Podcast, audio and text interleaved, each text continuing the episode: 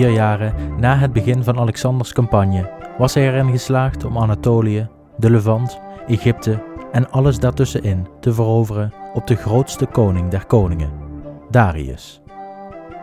Bij de Granicus en Isus had hij het grootste Perzische leger weten te verslaan, en alle overige tegenstanders had hij met groot militair vernuft vermorzeld.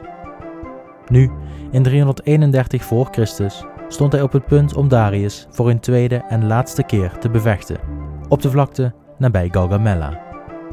Dit was de laatste kans voor Darius om Alexander te stoppen. Een Persisch leger van zo'n 80 tot 100.000 man stond tussen Alexander en zijn droom om de troon van het machtige Perzische Rijk te bestijgen. Welkom bij aflevering 33 van de geschiedenis van het Romeinse Rijk. Alexander de Grote, deel 5. Alles voor niets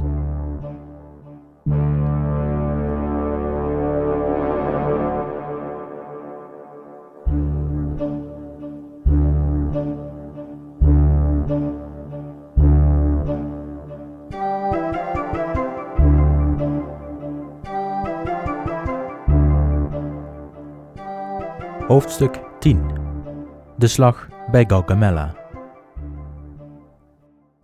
Alexander, op de heuvelrug waar we hem twee weken geleden achterlieten, keek uit over een gigantisch Persisch leger. Bestaande uit de beste troepen uit alle uithoeken van het Perzische Rijk, was dit de laatste kans om Alexander te weerhouden van het veroveren van het hele Perzische Rijk. Met cavalerie-eenheden met bijna een mythische staat van dienst uit Armenië, India de noordelijke steppen en Bactrië, de beste infanterie afkomstig uit Syrië en Babylonië, de beste strijdwagens en zelfs tientallen krijgsolifanten wachtte Darius op de komst van Alexanders leger nabij Gaugamela, in hedendaags Koerdisch Irak. Na de tegenstander te hebben bestudeerd, verzamelde Alexander zijn leger en maakte hij ze klaar voor de strijd. Zelf in het gezelschap van 50.000 troepen waren de Macedoniërs behoorlijk in de minderheid. Maar Alexander had zijn woord reeds aan zijn vijand gegeven. Nog één gevecht, op leven en dood, zou er tussen hem en Darius plaatsvinden. Dankzij een zonsverduistering die genoemd wordt in antieke bronnen, kunnen we de strijd van de slag enigszins met zekerheid vaststellen rond oktober 331 voor Christus. Alexander marcheerde met zijn leger de vlakte bij Gaugamela op en stelde het op in de gebruikelijke formatie. Eén lange linie met in het centrum de befaamde en doorgewinterde phalanx-infanterie, met hun zeven meter lange speren. Aan de linkerkant de Thessalische en Thracische cavalerie onder leiding van Parmenion. En aan de rechterkant Alexander zelf, met zijn elite cavalerie, de wapenbroeders. Achter de phalanx stonden de boogschutters en befaamde Griekse speerwerpers en een stuk verder daarachter Griekse hoplieten, toegevoegd aan Alexanders leger om zijn gevallen soldaten te vervangen. Hun taak was het versterken van beide flanken en het voorkomen van een omsingeling door de Perzen. Tegenover hen stond het leger van Darius al in tijd opgesteld in gevechtsformatie, wachtend op de aankomst van de vijand. In de eerste linie stonden tientallen strijdwagens, voortgetrokken door twee tot vier paarden met boogschutters en behendige zwaardvechters in de wagens, met aan de zijkant zijzen gemonteerd, om de onderbenen van alles dat in de buurt kwam af te snijden. Aan de rechterflank, tegenover Parmenion, de Armeense elite-cavalerie, volledig bedekt in een maliënkolder.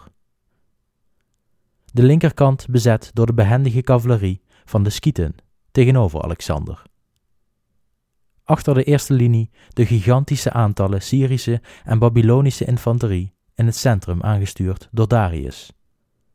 Daarachter, in reserve, hield Darius zijn krijgsolifanten. De twee legers stonden enkele minuten stil tegenover elkaar, wachtend op de eerste zet van de ander. Die eerste zet kwam van Alexander. Alexander begon het gevecht door zijn wapenbroeders mee te nemen in een ongewone beweging naar de rechterkant van het slagveld, gezien vanuit het Macedonische gezichtsveld.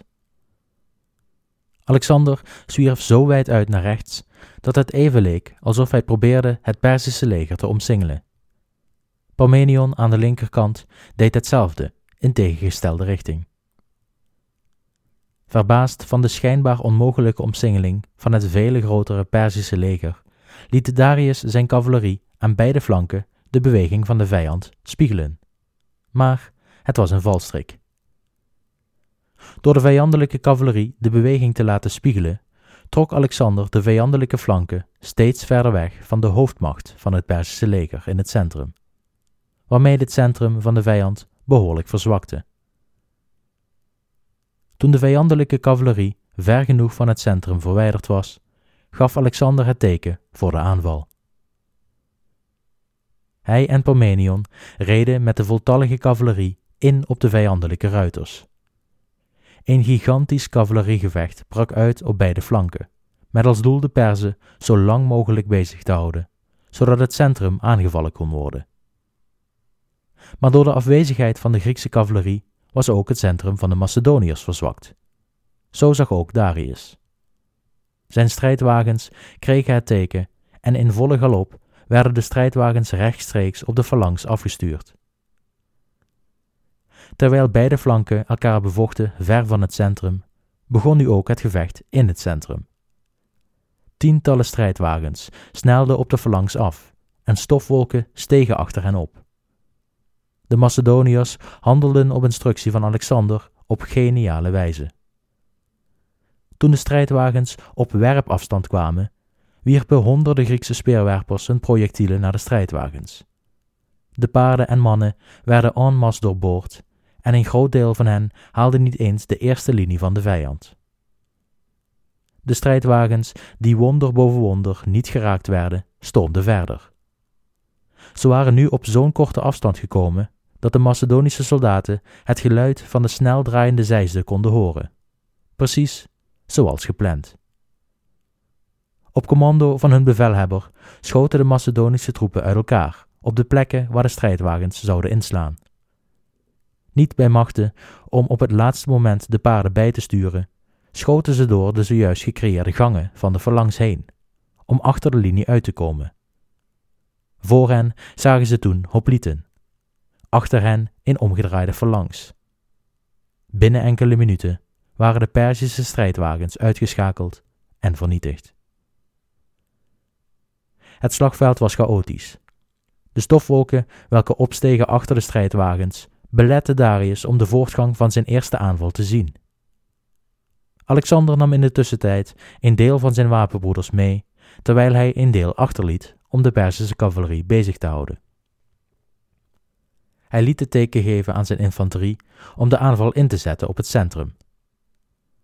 Terwijl de stofwolk langzaam neerdaalde, zag Darius de Macedonische phalanx, zichtbaar ongeschonden, opdoemen uit de mist van het slagveld. Sneller als hem lief was, kwamen de speerpunten dichterbij. Snel liet hij zijn troepen zich klaarmaken om de muur van speerpunten tegen te houden. Maar de snelle opmars en de dekking die de stofwolk had verzorgd, verraste de Perzen zodanig dat ze in chaos vervielen. Alexander snelde zich naar het centrum om gelijktijdig met zijn phalanx op de Perzische linie te klappen. Zonder dekking van de cavalerie op de Perzische flanken waren zij geen match voor de Macedonische phalanx, welke als een warm mes door boter de Perzische infanterie aan flarden trok. Binnen een kort tijdsbestek wisten de Macedoniërs onder leiding van Alexander door het centrum te breken, om vervolgens zo snel mogelijk richting Darius te geraken. Ze kwamen zo dichtbij dat een speer uit de Macedonische linies de bestuurder van Darius zijn strijdwagen trof. In de chaos dachten de Perzen dat Darius zelf getroffen was. Paniek brak uit. Het leger brak en begon massaal te vluchten, onwetend met Darius voorop. Maar Alexanders linkerflank was in serieuze problemen terechtgekomen. De Armeense cavalerie deden hun naam eer aan en maakte gehakt van Parmenion en zijn mannen. Ze waren zo goed als omsingeld geworden door de vele grotere aantallen Perzische ruiters.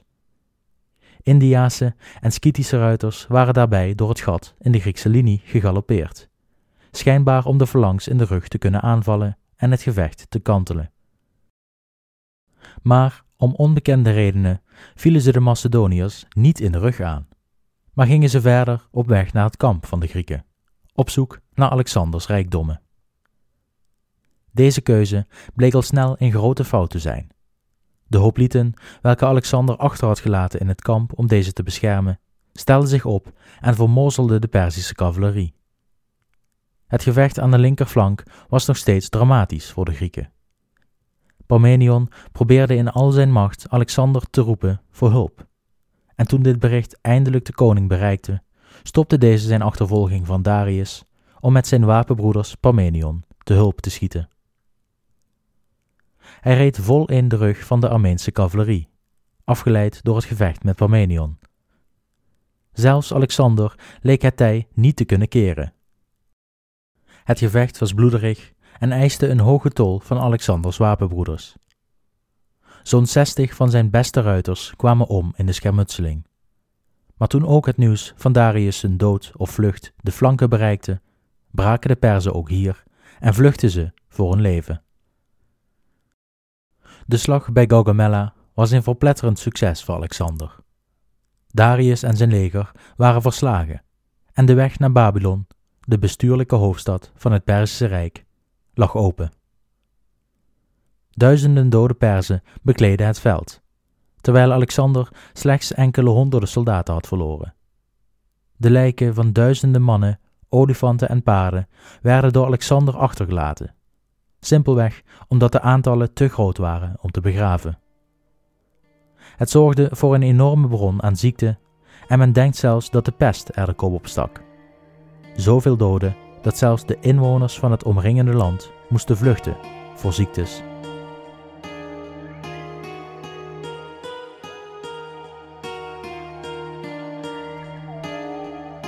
Hoofdstuk 11 Bessus, koning van Perzië.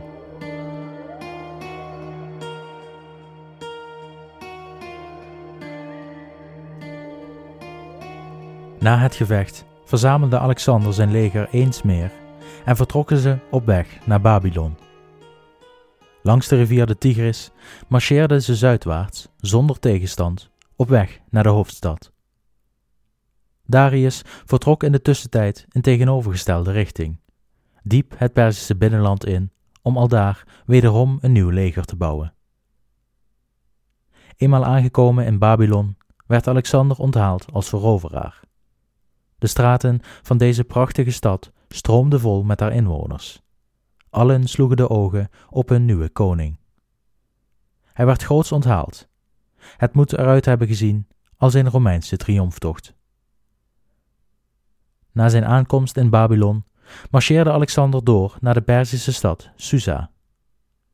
Deze versterkte stad bezat de schatkist van het Rijk en was de overwinterplaats van de Perzische koningen.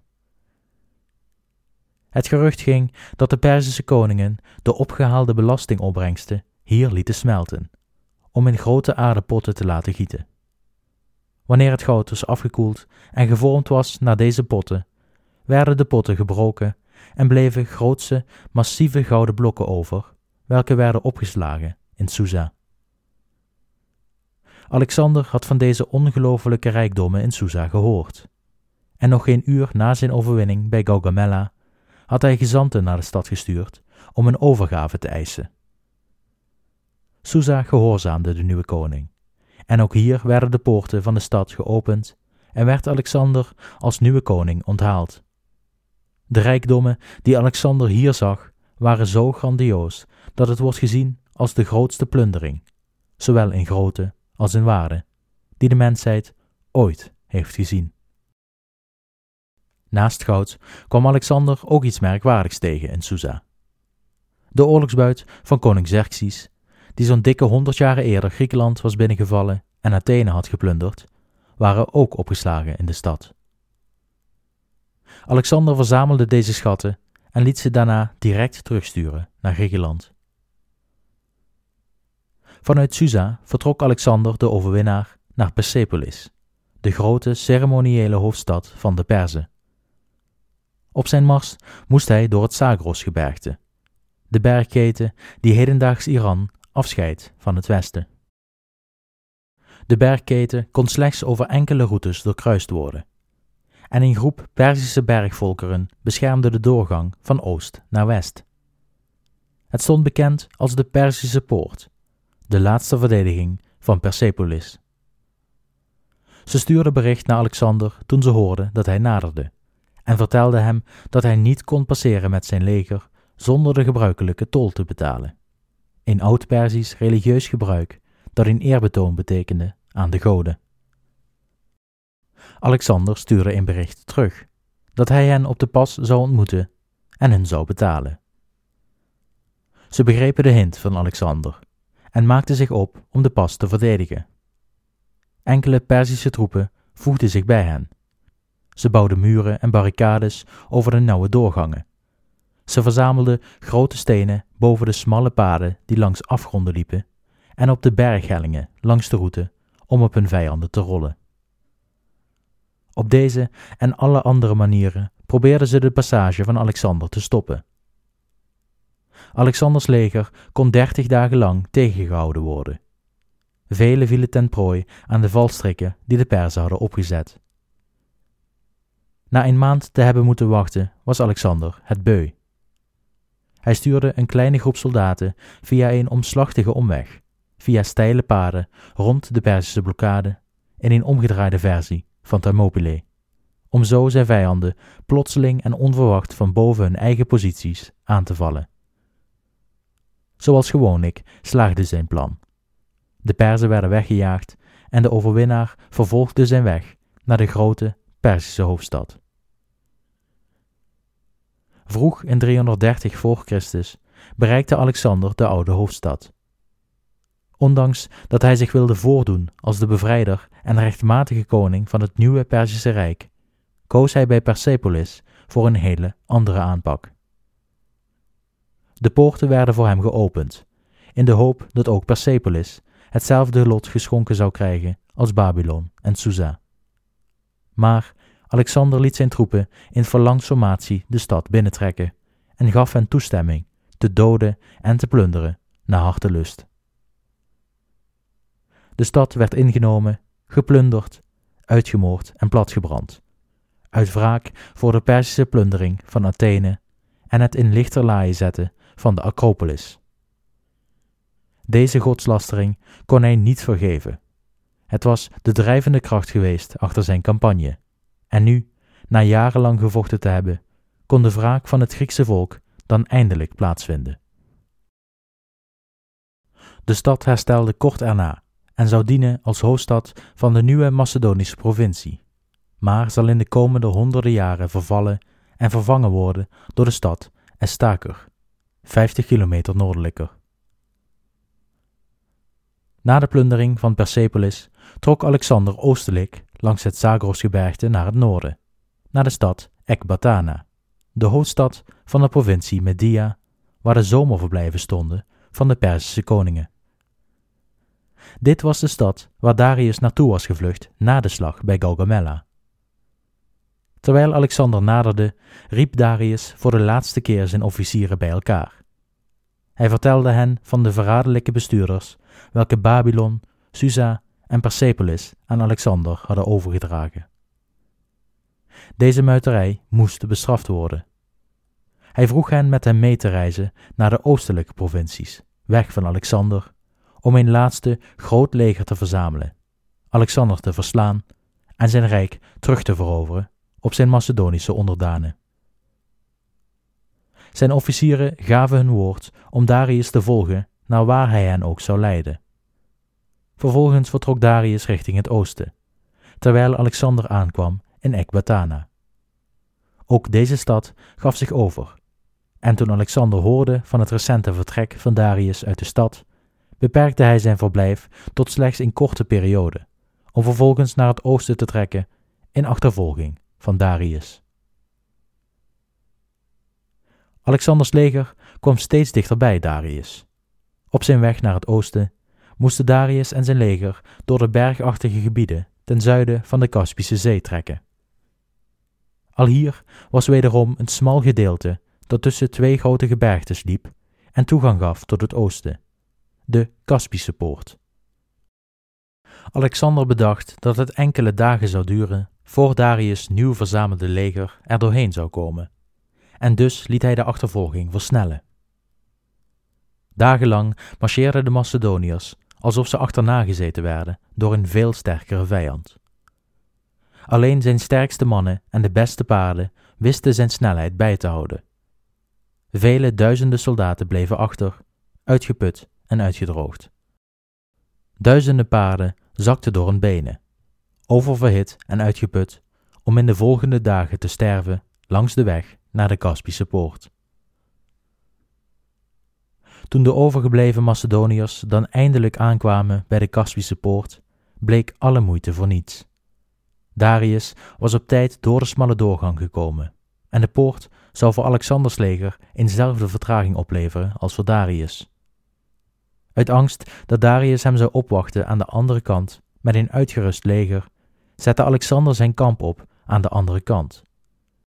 Hij liet voedsel en water verzamelen en wachtte op de uitgeputte en achtergebleven troepen. Wat Alexander niet wist, was dat de grote Darius, koning der koningen, aan de andere kant van de Kaspische poort in gevangenschap verkeerde. Hij was met zijn leger opgewacht door Bessus. Hij had net gedaan alsof hij zich wilde voegen bij Darius, maar toen Darius uitgeput verscheen aan het eind van de poort, stuurde hij zijn mannen op Darius af en nam hem gevangen. Bessus was de satraap van de oostelijke provincie Bactrië. Na de nederlagen van Darius en het verlies van de helft van zijn rijk, was Bessus het vertrouwen in de koning verloren. Zijn strategie was om met zijn eigen leger en dat van Darius Alexander te bevechten, met twee mogelijke uitkomsten als gevolg. Of hij zou van Alexander verliezen. Dit was de meest waarschijnlijke optie, zo bedacht hij zelf. En als dit zou gebeuren, zou hij Darius overhandigen aan Alexander en zijn oneindige dankbaarheid genieten met alle voordelen van dien. Of hij zou winnen van Alexander en het rijk voor hemzelf terugwinnen om als nieuwe koning van Perzië gekroond te worden in Persepolis. Maar eerst moest Bessus met Darius' leger Bactrië zien te bereiken. Terwijl Alexander zijn leger verzamelde, kwam er een Perzische nobelman zijn kamp binnen. Hij vertelde hem dat aan de andere kant van de poort, op zo'n twee dagen marcheren, het Perzische kamp opgezet was. Alleen, niet Darius was daar de leider, maar Bessus. Alexander, woest over het verraad van Bessus, liet direct zijn beste mannen verzamelen voor vertrek. Met een relatief klein leger aan ruiters vertrok Alexander door de poort. Ze galoppeerden de hele dag, rustten het nachts en vertrokken direct weer bij zonsopkomst. Twee dagen later kwamen ze aan bij het kamp. De kampvuren en markeringen van de tenten waren nog te zien. Zijn vijand kon niet ver weg zijn. Wederom trok Alexander verder oostwaarts, waar ze een dag later wederom een kamp aandeden. Ook dit kamp was verlaten. Maar de smeulende houtblokken waar eens een kampvuur was, lieten blijken dat Bessus en Darius nog geen 24 uur geleden waren vertrokken. Zijn ruiters en hijzelf waren echter uitgeput. Wederom in achtervolging van één of twee dagen konden ze niet meer aan. Alexander vroeg daarom aan de lokale bevolking of er geen andere route was, een snellere route, welke Bessus en Darius zou afsnijden. Deze route bestond, maar trok rechtstreeks door een droog, woestijnachtig gebied, zonder water of voedsel. Ondanks dat Alexanders mannen inmiddels zonder water zaten en het gebruikelijk was routes te kiezen waar genoeg bronnen van water te vinden waren, sloeg Alexander alle logica in de wind. Hij moest en zou Darius levend te pakken krijgen.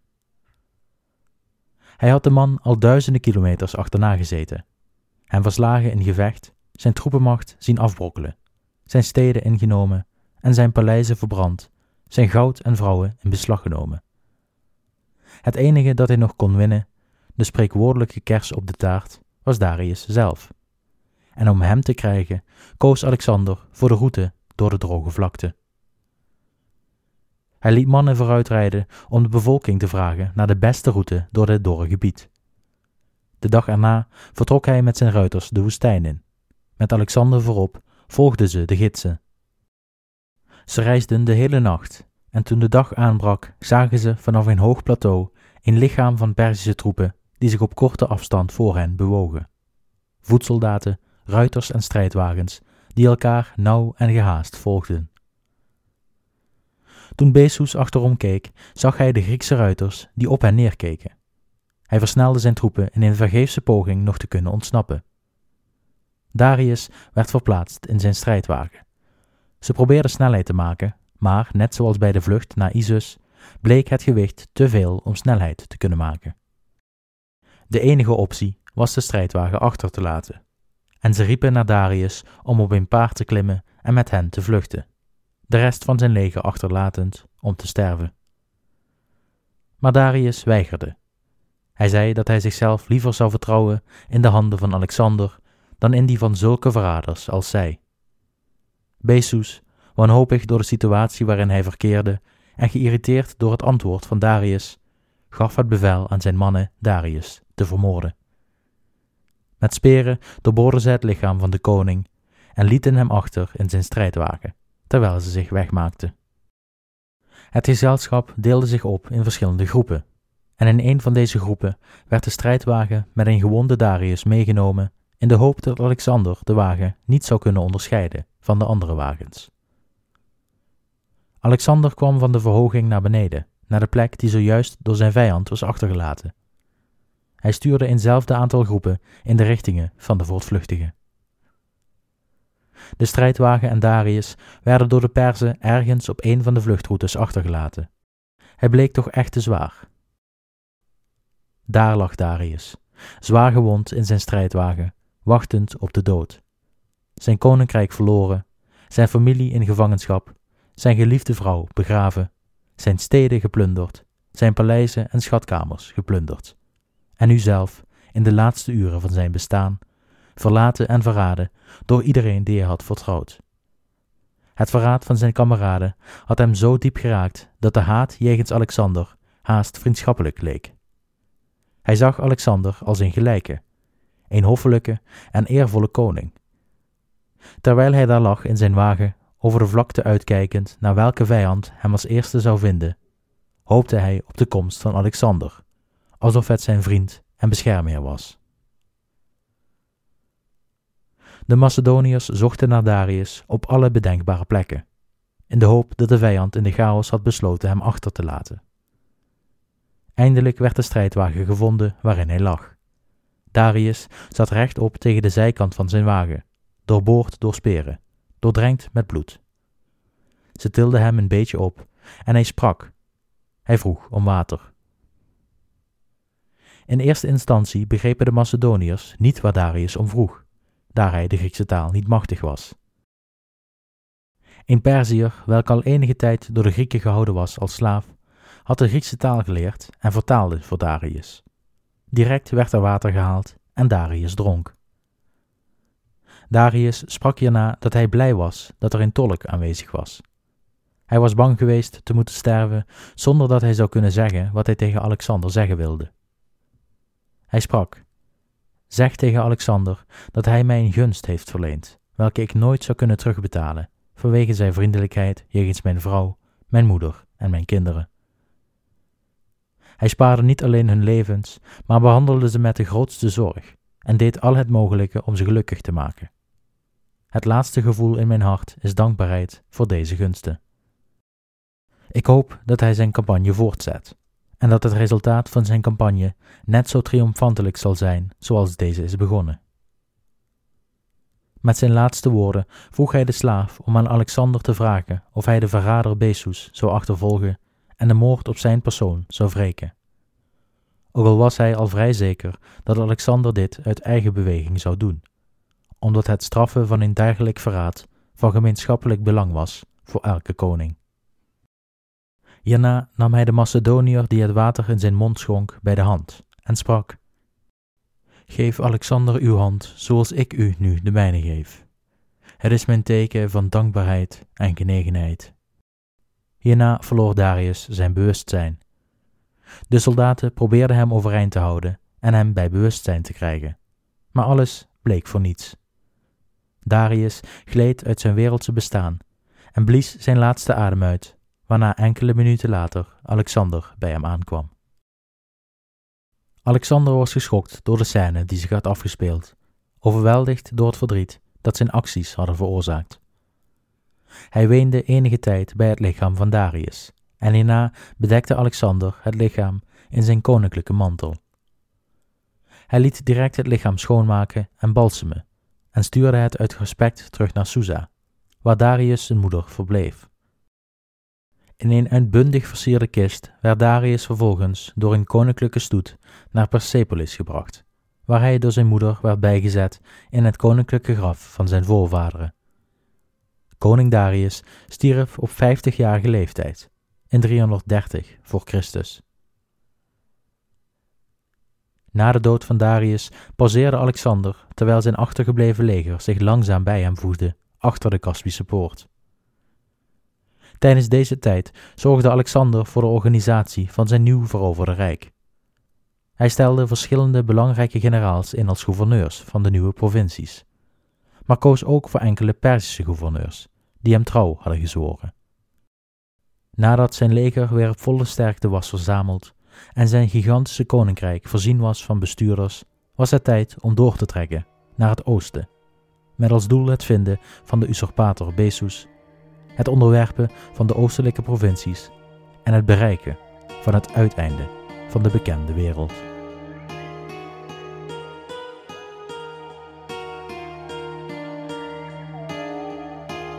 Hoofdstuk 12 De jacht op Besus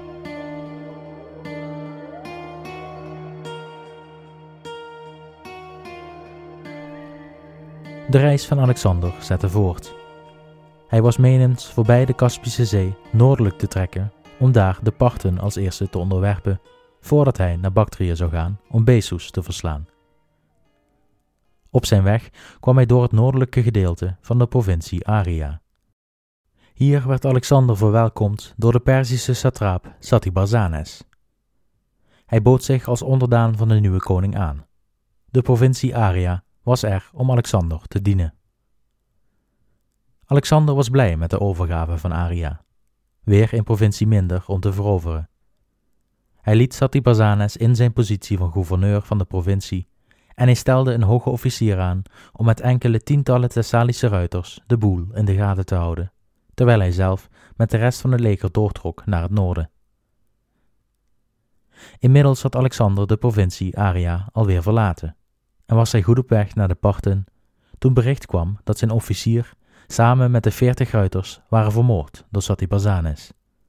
Hij had de bevolking opgeroepen te rebelleren tegen Alexander en had zijn toevlucht gezocht in de hoofdstad van de provincie.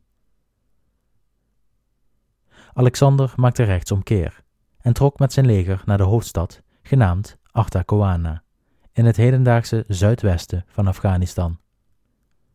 Bij het eerste zicht van Alexander schoten Satybazanes en zijn leger in paniek en voor hij het wist, liet zijn leger hem in de steek. Men wist wat Alexander deed met steden die zich zouden verzetten. Laat staan wat hij deed met verraders. Het leger vluchtte voor de ogen van Satybazanes en als gevolg van deze uittocht koos hij zelf ook voor een vlucht naar Bactrië. Met enkele honderden ruiters galoppeerde hij weg van Alexanders leger naar het noordoosten. Alexander nam de stad in versloeg de rebellerende groepen en installeerde een nieuwe gouverneur in de provincie.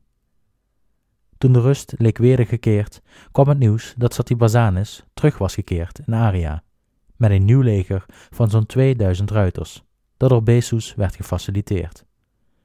Zijn doel was wederom om de bevolking aan te zetten tot rebellie, maar Alexander groepeerde zijn beste cavalerie en reed Satybazanis tegemoet. In plaats van een groot gevecht stapte Satybazanes op zijn paard uit de linies naar voren. Hij riep dat het gevecht beslist zou worden door een één-op-één gevecht en daagde iedere generaal uit die de moed had om hem te verslaan.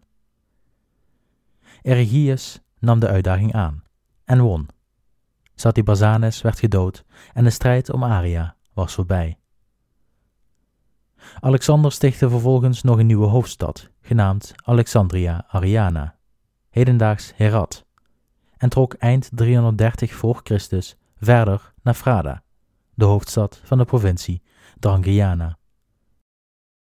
Hier had Barsayentis, een van de handlangers van Besus, de macht. Hij had geholpen bij het gevangennemen van Darius en was volgens Alexander medeplichtig aan het verraad van Besus. Bij het zicht van het Macedonische leger vluchtte Barsaentes naar het oosten, richting India, waar hij vervolgens werd gevangen door de machthebbers die nog loyaal waren geweest aan Darius en werd teruggestuurd naar Alexander, die hem de doodstraf gaf voor zijn verraad. De tweede gebeurtenis in Frada laten de eerste haarscheuren zien in het leger van Alexander, welke naarmate de campagne voortduurde steeds minder overtuigd waren van Alexanders plannen om de hele wereld te veroveren. Het kwam Alexander ter oren dat er een plan zou zijn om hem te vermoorden. De samenzweerder heette Philotas. Hij was een hoge officier in het leger van Alexander en zoon van de generaal Parmenion. Hij en zijn vader hadden een groot aandeel gehad in de overwinningen van Alexander, en uit respect voor zijn staat van dienst liet Alexander hem gevangen nemen en voor hem brengen, zodat hij zich kon verdedigen tegen de geruchten. Alexander legde het vuur aan de schenen van de jonge officier en vroeg hem wat hij te zeggen had over deze beschuldigingen. Philotas ontkende dat hij degene was die het plan had bedacht, maar gaf toe dat ook hij van het plan gehoord had. Alexander werd woedend dat de jonge officier, die hij zo in vertrouwen had genomen, niets tegen hem gezegd had. Hij kwam dagelijks in Alexanders tent, maar had hem niet gewaarschuwd voor het plot. Wat als Alexander het niet ontdekt had? Er was maar één conclusie: Philotas werd berecht en kreeg de doodstraf.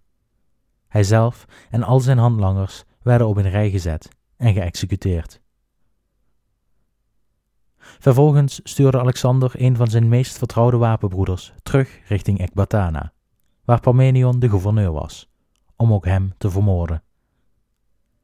De reden waarom is niet geheel duidelijk. De band tussen Alexander en Parmenion, die nog onder Alexanders vader gediend had, moet zodanig zijn geweest dat hij als een oom voor Alexander was.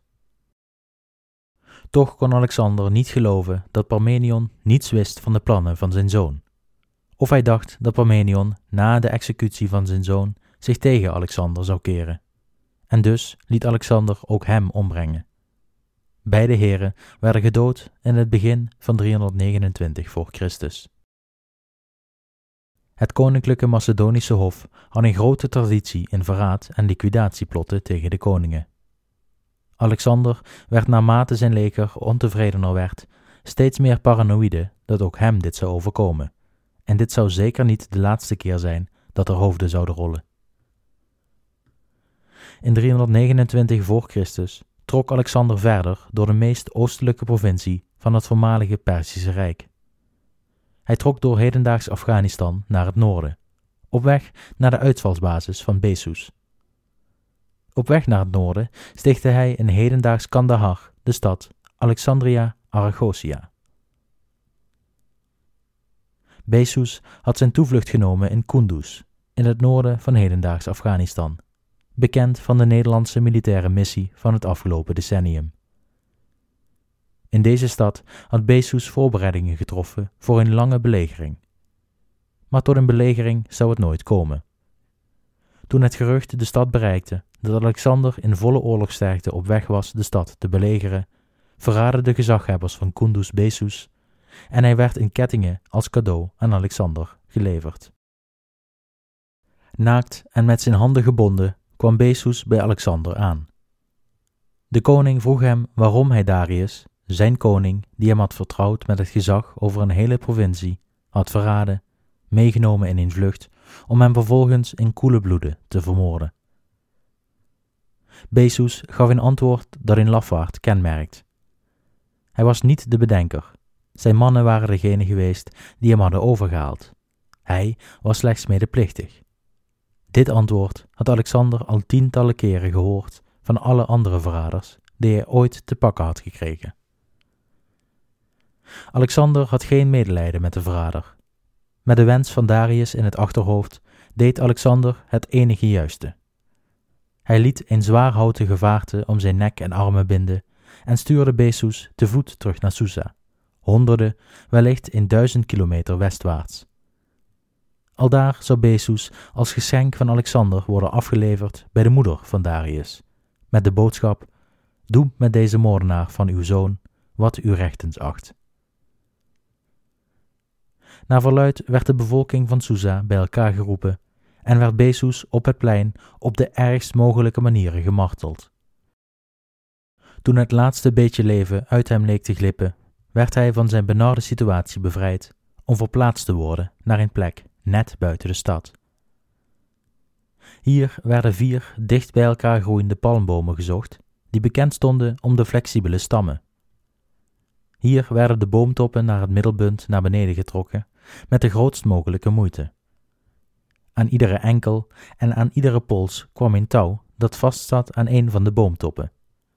Besus werd neergelegd en onder het toeziend oog van de inwoners en de moeder van Darius werden de boomtoppen tegelijkertijd bevrijd van spanning. Ze schoten alle vier met ongelooflijke kracht terug naar hun oorspronkelijke positie. Besus lichaam uit elkaar rijtend. Het lichaam van Besus zou nog dagen aan de toppen van deze bomen gehangen hebben, terwijl de stad uitbrak in festiviteiten ter ere van de wraak van Alexander en Darius.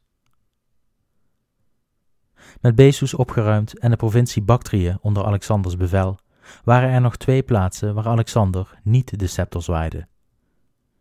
Ten noorden de steppen van hedendaags Tajikistan en ten zuiden de Indusvallei in hedendaags Pakistan en India. Alexander besloot als eerste naar het noorden te trekken. Hier leefden de Skieten, een van de hoorden die later onder Genghis Khan een nog groter rijk dan dat van Alexander zouden veroveren. Terwijl hij naar dit uiterste puntje van het Perzische Rijk trok, veroverde Alexander meerdere steden. En helemaal op het eind stichtte hij in de zomer van 329 voor Christus de stad Alexandria Escate, dat letterlijk vertaald naar Alexandrië de Verste. Eindelijk had hij het einde van het Perzische Rijk bereikt. Hij kon echter nog niet vertrekken uit het noorden. Het gebied werd regelmatig aangevallen door horden nomaden afkomstig van de Russische steppen. Alexander probeerde de nomaden af te stoppen, maar hij kreeg geen grip op de situatie. De snel verplaatsende nomaden met hun snelle paarden en geweldige boogschutterskunsten bleken een moeilijke tegenstander.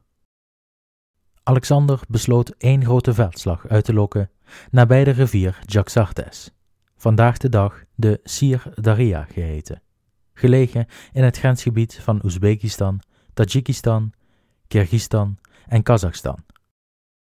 Aan de noordkant stonden de nomaden opgesteld, wachtend op de professorisch in elkaar gezette landingsschepen van de Macedonische infanterie.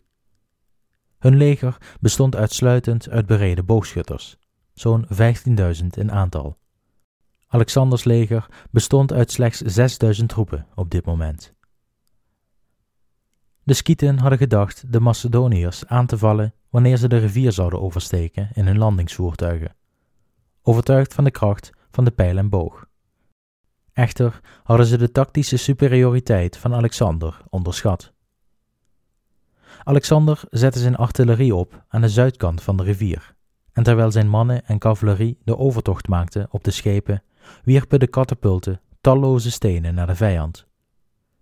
Gevolg was dat de skieten van de oever moesten terugtrekken en de Macedoniërs een makkelijke landing konden maken. In normale omstandigheden zouden de nomaden op dit moment zijn teruggetrokken om ergens anders de plunderingen voor te zetten. Alexander wilde dit echter voorkomen en hij stuurde een relatief kleine groep ruiters richting de skieten. Overtuigd dat deze kleine groep Grieken makkelijk verslagen zouden worden, reden ze op de groep af. Ze omsingelden de groep en belaagde ze met een regen aan pijlen. De Macedonische cavalerie deed wat het moest doen om te overleven, wachtend tot de valstrik van Alexander zou worden voltooid. Terwijl de skieten langzaam maar zeker tussen Alexanders hoofdmacht en de vooruitgestuurde cavalerie terechtkwamen, gaf Alexander het teken. Met aan beide kanten vijanden konden de skieten geen kant meer op. De Macedonische boogschutters deden vervolgens het werk en zo'n 1500 vijanden werden binnen enkele salvo's gedood, waaronder het stamhoofd. De resterende skieten vluchtten vervolgens weg naar het noorden, waar ze door onderlinge gevechten lange tijd niet meer terug zouden keren naar het zuiden. Met het verslaan van de nomaden had Alexander zijn vader geëvenaard. Alleen Filip en Alexander waren in staat gebleken een nomadenleger te vangen en te doden.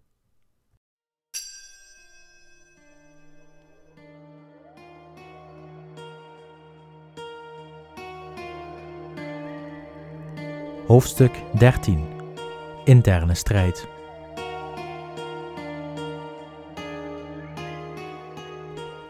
Na de overwinning in het noorden waren de plunderingen aldaar gestopt. Maar Alexander kon nog steeds niet vertrekken naar het zuidoosten. In Bactrië, de provincie waar Bessus de dienst uit had gemaakt, staken tientallen rebellerende groepen de kop op, die de nieuwe Griekse koning niet erkenden. Een langdurige guerrillaoorlog was aanstaande, die Alexander veel tijd zou gaan kosten. De koning was op zijn zachtst gezegd niet te spreken over de vertraging, en het was aan zijn humeur te merken. Historici schrijven over een steeds roekelozere Alexander, een tiran zelfs, die zijn mannen voor de minste overtredingen liet stenigen en die zich iedere avond te goed deed aan een ongezonde hoeveelheid wijn. Het leger van Alexander werd alsmaar meer ontevreden. Ze waren nu al jaren van huis, vochten in zinloze kleine gevechten met lokale groepen gewapende mannen, en een einddatum was nog lang niet in zicht. Alexander leek van geen ophouden te weten, en men dacht dat hij pas zou stoppen als de hele wereld en alles dat daarachter lag was veroverd. Wat de soldaten nog erger vonden, was dat Alexander steeds meer Perzische gebruiken overnam. De taal en cultuur leken grip te krijgen over zijn leven, en hij leek geobsedeerd door de Perzische manier van leven. Hij kleedde zich in Perzische kleden, wat de Grieken als verwijfd en decadent bestempelden. Er broedde onvrede, maar een uitbarsting bleef vooralsnog uit. Op een avond in de stad Marakanda, niet ver van de veldslag tegen de Skieten, brak een heilige dag aan op de Griekse kalender. Ieder jaar stopte Alexander zijn campagne op deze dag om een offer te brengen aan een van de Griekse goden. Echter, dit jaar was niet een Griekse god aan wie geofferd werd, maar een Perzische. Tijdens het daaropvolgende feest brak een heftige discussie uit onder Alexanders generaals. De discussie ging over de koning en zijn blijkbare voorkeur voor de barbaarse afgoderij. De festiviteiten gaven Alexander wederom een excuus om zich te goed te doen aan veel drank, een ander Persisch gebruik dat in ogen van de Grieken ketterij was. Cleitus de Zwarte, de man die Alexander redde van de dood in de slag bij de Granicus, raakte in een hevige discussie met zijn koning. Cleitus, inmiddels ook behoorlijk beschonken, ging steeds verder in het tarten van Alexander. Uiteindelijk, bij het aansnijden van een gevoelig onderwerp, namelijk dat Alexander zijn overwinning te danken had aan Macedoniërs in plaats van aan hemzelf, knapte er iets in Alexander. Hij nam zijn speer en stak Cleitus in zijn torso. Cleitus stortte in elkaar en stierf enkele momenten later. De dag erna was Alexander vol van verdriet. Zijn goede vriend vermoord over dronken gebekvecht. Als gevolg van dit voorval en zijn bijkomende arrogantie vervreemde hij steeds meer van zijn goede kameraden en generaals. Toen Alexander hierna het Perzische gebruik proskinesis door zijn mannen wilde laten uitvoeren, ging hij te ver. Proskinesis is een rituele handeling om eer te betuigen aan een heerser. Althans, dat was in Perzische kringen zo. In Griekenland werd dit alleen gedaan ter ere van de goden. Het hield in dat men zich voor de voeten van de heerser of god wierp, om zo hun eer te betuigen. Het was pure afgoderij voor de Macedoniërs. Alleen goden waren bestemd voor een dergelijk onderdanig eerbetoon. Misschien waren de Perzen zo zwak dat zij zich aan de voeten van hun sterfelijke zouden werpen, maar Grieken, zo vrijgevochten als ze waren, zouden hier nooit mee akkoord gaan. Was Alexander van plan Griekenland binnen te marcheren om hen te dwingen te knielen? Of was deze schandalige vernedering van hun geloof alleen bestemd voor zijn Macedonische landgenoten? Het leger gaf Alexander geen keus en hij liet het ritueel voor wat het was. De vervreemding die er al was tussen hem en zijn adviseurs was nu tot grootste hoogten gestegen. Alexander en zijn leger trokken vervolgens terug naar de hoofdstad van Bactrië. Hier werd wederom een plot ontdekt om Alexander te vermoorden. Ditmaal was een zoon van een van de hoffelijke Macedonische families de samenzweerder. Hij en alle handlangers werden dagenlang gemarteld en uiteindelijk gestenigd op bevel van Alexander. Alexander was naar Bactrië teruggekeerd om de rebellerende Bactrische groepen te bestrijden, maar werd afgeleid tijdens zijn verblijf in het koninklijk paleis. Hier zag hij Roxana, een dochter aan het koninklijke hof van Bactrië. Volgens de bronnen was ze de mooiste vrouw van het oosten.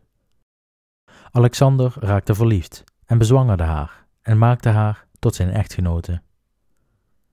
Roxana was een belangrijke prinses aan het Bactrische hof en de trouwerij zorgde ervoor dat de rebellerende stammen vrede sloten met Alexander, omdat hun geliefde prinses nu deel uitmaakte van de nieuwe koninklijke familie. Met de moordcomplotten en rebellie achter de rug kon dan eindelijk de mars naar het laatste deel van het Perzische Rijk beginnen, de Indusvallei in hedendaags Pakistan en India. Hoofdstuk 14 De Indusvallei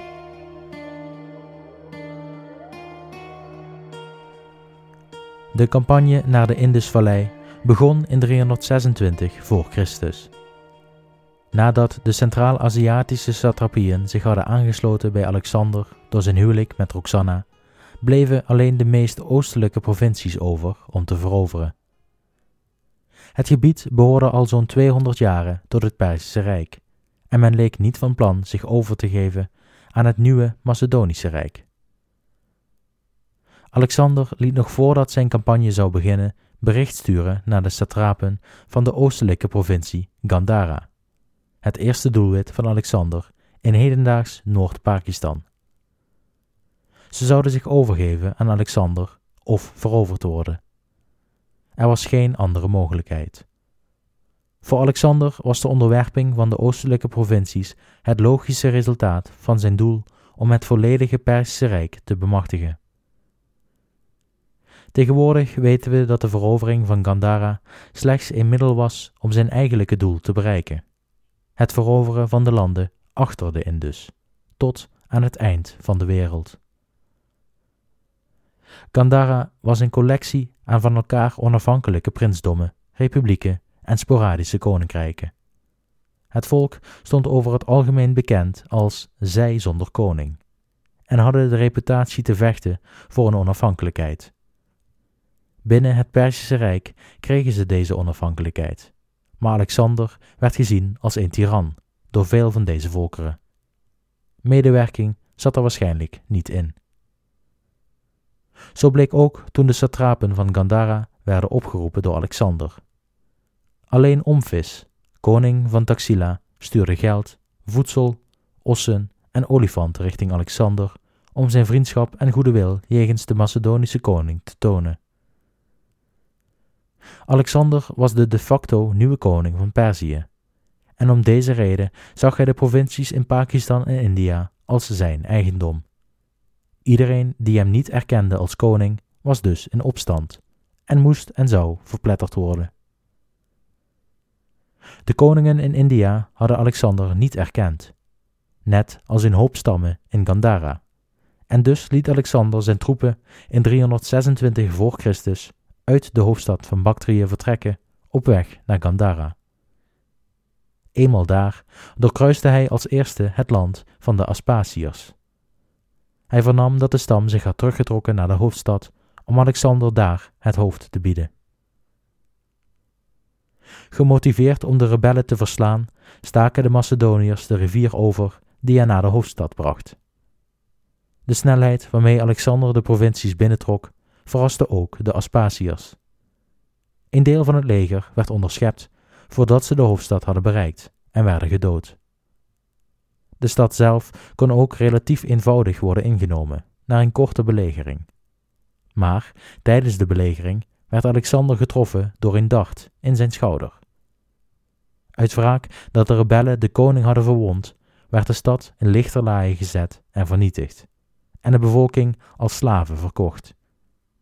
Hierna marcheerden de Macedoniërs op weg naar de volgende stad, Andaka, die wijselijk capituleerde.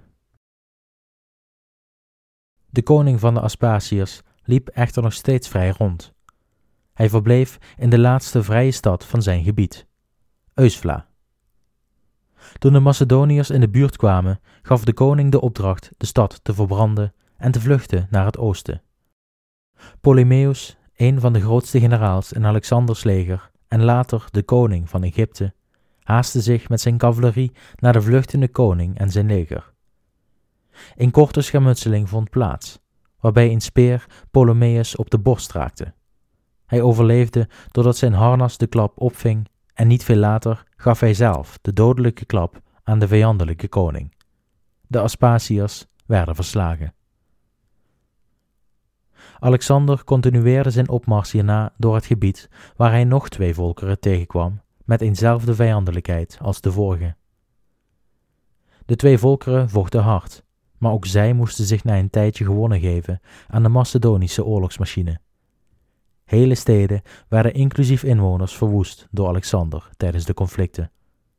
Hij was inderdaad de tiran die velen van hen hadden gevreesd.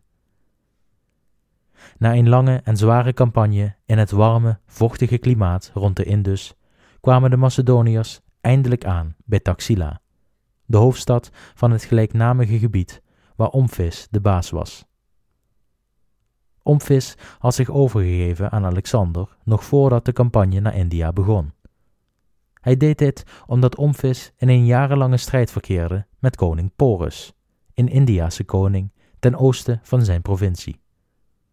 Omphis was aan de verliezende hand en kon Alexanders hulp goed gebruiken. Het leger van Alexander werd aangevuld door het leger van Taxila, waaronder ook enkele strijdolifanten. In hetzelfde jaar, 326 voor Christus, vertrok Alexander verder oostwaarts. De laatste Perzische provincies waren onder zijn controle en de weg naar het eind van de wereld lag open.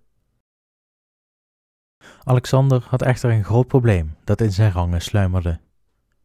Zijn soldaten waren nu in ruime tien jaar weg geweest van thuis.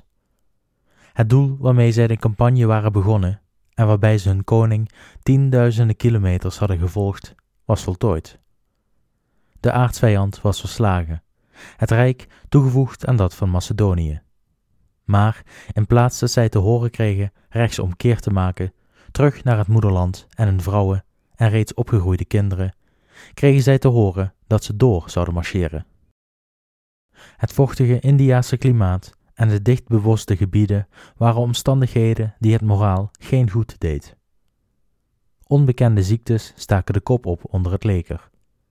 De ziekten en de oneindige veroveringsdrift van Alexander brachten het moraal tot een dieptepunt. Het leger besloot Alexander nog eenmaal te volgen tegen koning Porus, maar hierna zouden zij hem dwingen terug te keren. Het gevecht met Porus vond plaats aan de rivier Hydaspes, vandaag de dag de Jelum-rivier geheten in Noord-India, en het zou het laatste grote gevecht zijn van Alexander de Grote. De twee strijdkrachten ontmoetten elkaar en stelden zich op voor de strijd. Aan de Indiase kant waren de flanken beveiligd door cavalerie, daarvoor de strijdwagens en in het centrum infanterie en strijdolifanten. De olifanten stonden iets voor de infanterie, met ieder 50 meter tussen elkaar in, om de Macedonische cavalerie af te schrikken. De Indiase strijdolifanten waren zwaar bepanserd en hadden kasteelachtige torens op hun rug met een trio aan boogschutters en speerwerpers. De soldaten waren uitgerust in ijzeren helmen en felgekleurde tunieken en bewapend met knotsen, bijlen en lansen. Koning Porus zelf deed het anders dan gebruikelijk. In plaats van plaats te nemen in de gebruikelijke strijdwagen, was zijn vervoersmiddel een strijdolifant, zonder doren op de rug. Porus zat in zijn eentje, omhuld in een dik maliekolder, op zijn olifant om zijn leger aan te sturen. Alexander merkte op dat Porus' opstelling het sterkst was in het midden en besloot met zijn cavalerie als eerste op de flanken aan te vallen waarbij zijn phalanx werd tegengehouden totdat de Indiaanse cavalerie was geneutraliseerd. De Macedonische phalanx was zwaar in de minderheid, zo'n vijf Indiaanse soldaten voor iedere Macedonische. Maar toch waren de Macedoniërs in het voordeel, doordat zij veel betere uitrusting droegen dan de vijand. En daarbij hadden de Indiërs nog nooit kennis gemaakt met de phalanxformatie. Alexander begon de strijd door zijn vers toegevoegde bereden boogschutters uit Centraal-Azië in te zetten om de rechtse cavalerie van de vijand lastig te vallen. Aan de linkerflank werden de wapenbroeders ingezet om de aldaar in aantallen superieure vijandelijke cavalerie te neutraliseren, met, zoals gebruikelijk, Alexander zelf in de voorste linie. Beide cavalerieeenheden van de vijand werden verrast en trokken snel terug naar het centrum van het leger. Op ongeveer een kilometer voor de Indiase linie kwamen de twee flanken samen, met de Macedoniërs in de achtervolging. Ze sloten de rijen en maakten een soort phalanx van paarden, naar beide kanten van waar de Grieken aanstormden. De tactiek werkte niet. De ervaren Macedonische cavalerie sneden door de groep heen als een warm mes door boter, en binnen een mum van tijd waren de Indiërs voor een groot deel ontdaan van hun cavalerie, nog voordat de infanterie met elkaar in contact was gekomen. Met enkele van de ruiters vluchtend voor de slachting, stuurde Porus zijn olifanten op de Macedonische phalanx af. De olifanten zouden geen partij moeten zijn voor de lange sarissa-speren van de phalanx, maar ditmaal was het anders. De olifanten, bijna volledig bedekt in maliënkolder en andere bepansering, leken haast onverwoestbaar. De speerpunten ketsten af op het panzer, en voordat men goed en wel doorhad dat de speren niets uit zouden halen tegen deze beschermlaag, waren de olifanten al tot diep in de linie doorgedrongen. Met honderden tegelijk werden de Macedoniërs vertrapt, verdrukt, doorspiest, in de lucht geslingerd, etc., etc. Het was een slachting zoals de Macedoniërs nog niet eerder hadden ervaren. Het slagveld was verschrikkelijk. Voor hun eigen ogen zagen ze kameraden waarmee ze tien jaren hadden gevochten en overwonnen, doorboord worden door met ijzer beklede slagtanden, om vervolgens uit elkaar gereten te worden door de pure kracht van de olifant. Ondanks de gigantische verliezen hield de phalanx zo goed als mogelijk de formatie. In plaats van het steken probeerden ze op de plekken te komen waar de bepansering ontbrak. Met name de buik en de ogen van de olifanten werden onder vuur genomen, alsmede de soldaten in de torens. Met een gecoördineerde Macedonische tegenaanval en het herstel dat volgde, werden de olifanten één voor één neergehaald, totdat de laatste van hen in paniek raakte, omdraaien en terugstormde naar de eigen linies. De oncontroleerbare paniek van de dieren was geen onbekend fenomeen, en de Indiërs hadden een techniek om het dier te neutraliseren wanneer zij recht op de eigen linie afstormden. De bestuurder, welke zijn zetel had in de nek van de olifant, droeg ten alle tijde een hamer en beitel bij zich, waarmee hij het dier kon doden wanneer deze dreigde de eigen linie in gevaar te brengen. Probleem was echter dat deze bestuurders waren gedood door de Macedoniërs, en dus stond niets de olifanten in de weg om alles in hun pad te vernietigen.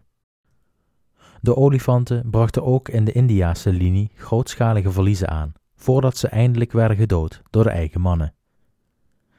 Alexander liet in de paniek die was ontstaan aan de overkant zijn verlangs zo snel mogelijk herstellen en gaf het bevel de vijand in de chaos aan te vallen. De Macedonische verlangs sloot de schilden en marcheerde gecontroleerd op de vijand af. De cavalerie nam een omweg om in de klassieke tangbeweging tegelijkertijd in de rug van de vijand te geraken.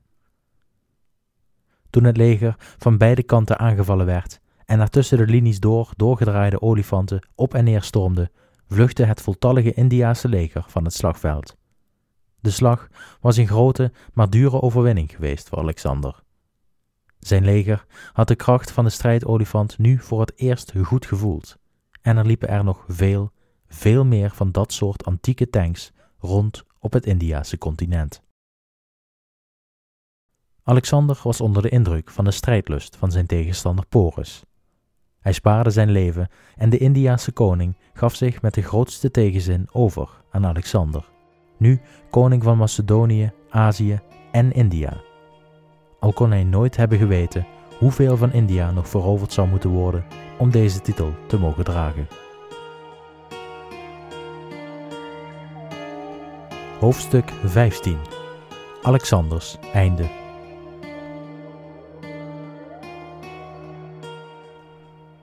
Toen Alexander aan Porus vroeg hoe hij behandeld wilde worden, antwoordde hij: Behandel mij zoals een koning een andere koning zou behandelen. Alexander, onder de indruk van het antwoord, behandelde hem inderdaad als een koning. Hij stelde Porus, welke duidelijk een moedige en goede strijder was, aan als satraap van de regio. Na de strijd stichtte Alexander twee steden in de omgeving: Nikai, dat overwinning betekent, en Alexandria Bicephalus, ter ere van zijn paard, dat kort na de slag overleed na een trouwe en indrukwekkende diensttijd van twintig jaren. De reis zette voort naar het oosten. Eenmaal aan de grenzen van een onbekende tegenstander, waarvan we nu weten dat dit het Nanda-rijk is geweest, gaf het leger aan niet meer verder te willen.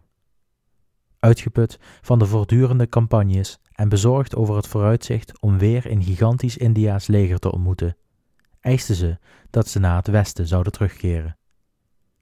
Het was geen muiterij, maar een duidelijk signaal aan Alexander dat wanneer hij niet luisterde naar zijn mannen, het moraal tot onder nul zou zakken en er wel muiterijen zouden ontstaan. Alexander probeerde zo goed als hij kon zijn mannen te overtuigen. Er was volgens hem nog maar duizend kilometer aan land voordat het einde van de wereld bereikt zou zijn. Maar ondanks deze misvatting hielden de officieren voet bij stuk. Ze hadden gehoord dat in India legers van miljoenen voedsoldaten en duizenden olifanten op hen stonden te wachten. De slachting die enkele tientallen olifanten hadden aangericht, konden zij zich niet nogmaals veroorloven.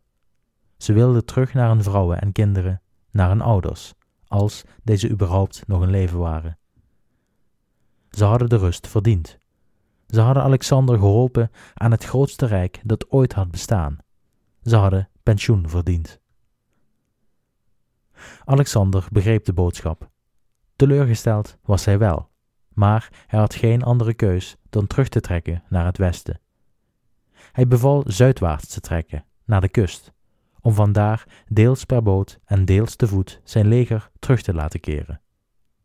Tijdens de reis, welke tien maanden duurde, versloegen de Macedoniërs nog enkele stammen, waarbij Alexander zwaar gewond raakte aan zijn borst.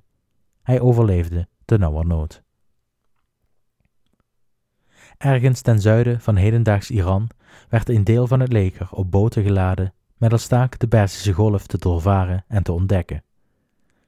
Dit was voor het eerst dat de Grieken deze wateren in kaart brachten en zou van grote waarde blijken in de handel die ontstond tussen Rome en India via Alexandrië in Egypte, eeuwen later. Deze handelsroutes waren in kaart gebracht door Alexanders mannen. Het overgrote deel van het leger, waaronder Alexander zelf, marcheerde te voet terug naar het westen. Waar Alexander geen rekening mee had gehouden, was dat het land tussen de Indus en het westen aan de zuidkant bestond uit woestijn. Tijdens de terugtocht door de woestijn eisten dorst, oververhitting, ziekte en andere ellende de levens van honderden Macedoniërs. Maar uiteindelijk kwamen ze in 325 voor Christus aan in Persepolis. Hier bekeek Alexander zijn rijk op bestuurlijk niveau. Vele bestuurders hadden zich misdragen tijdens zijn afwezigheid. Corruptie en onderdrukking van het volk leek de standaard. Alexander nam niet mis te verstaande maatregelen. Bestuurders werden opgeroepen te verzamelen en gedood voor verraad. In 324 voor Christus trok Alexander verder naar Susa, waar hij een massahuwelijk liet organiseren, waarbij Griekse en Macedonische officieren een Perzische vrouw kregen toegewezen, om de culturele banden tussen beide koninkrijken te versterken en als teken aan de Perzen dat Alexander hen als gelijkwaardige onderdanen zag. Alexander trouwde twee Perzische prinsessen, betaalde alle schulden die zijn soldaten en de families hadden gemaakt tijdens hun lange afwezigheid in Perzië. Daarnaast liet Alexander 30.000 Perzische jonge mannen verzamelen om te worden getraind in de Macedonische kunst van het oorlogvoeren. In datzelfde jaar trok Alexander verder naar het westen, naar de stad Opis in hedendaags Irak. Hier kwam zijn leger in opstand. De jarenlange onvrede over de transformatie van Alexander bereikte een hoogtepunt.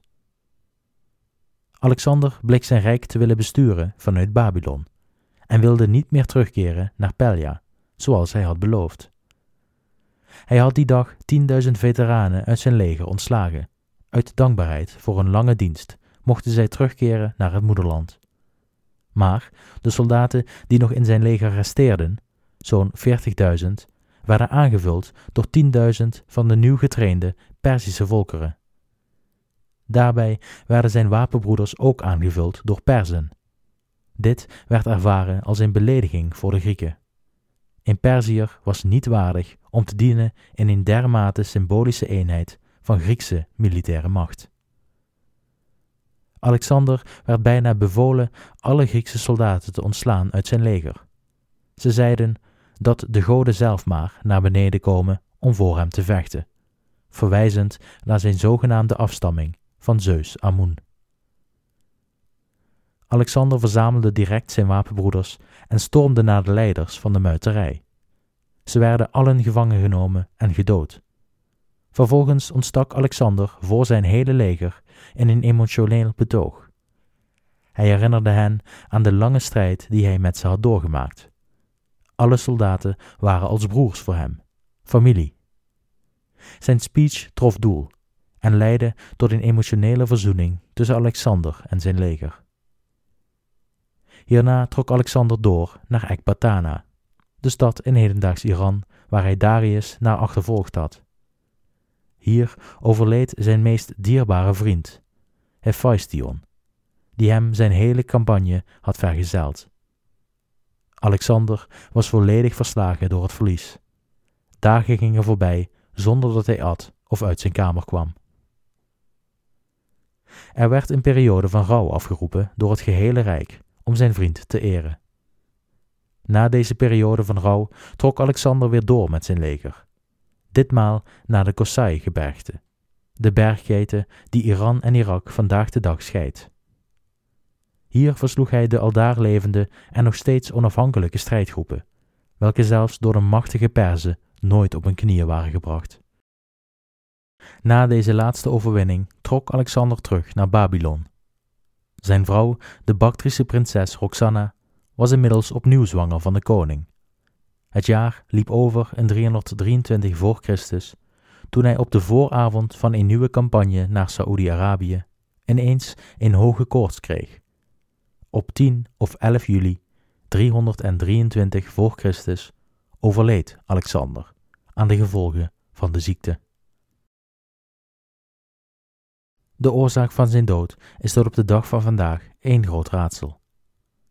De koorts die zijn lichaam en geest overnam en brak, kan een oorzaak zijn geweest van ziekten zoals malaria, cholera of tyfus, of wellicht een goede traditie van de Macedonische koninklijke familie, vergif. Alexander stierf ongeslagen op het slagveld.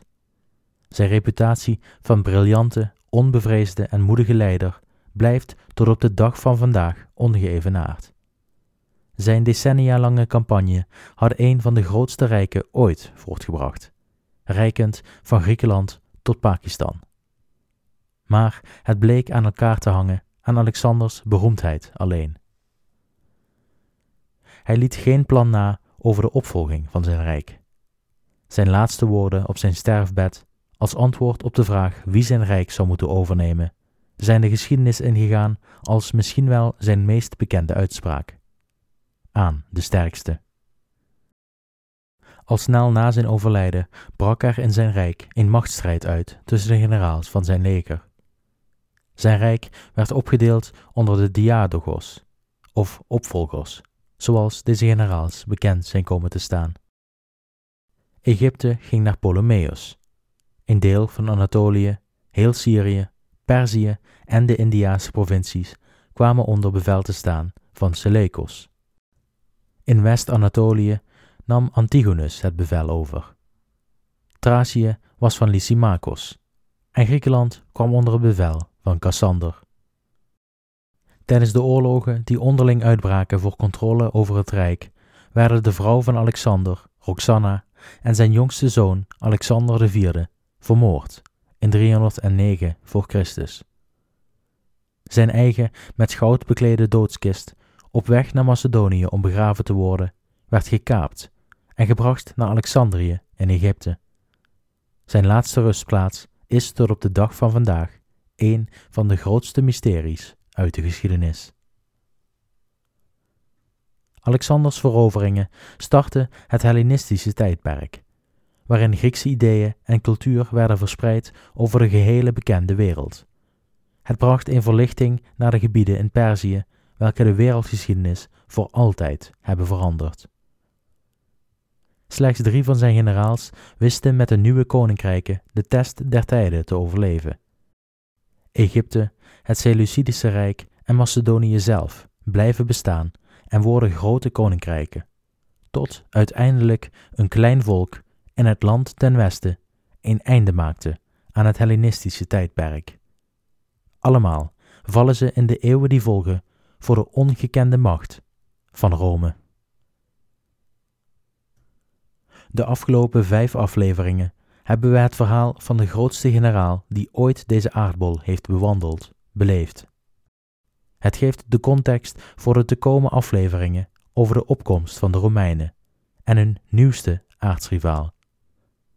Deze nieuwe rivaal, Pyrrhus van Epirus, baseert zijn campagnes op de glorie die zijn grote neef Alexander wist op te bouwen.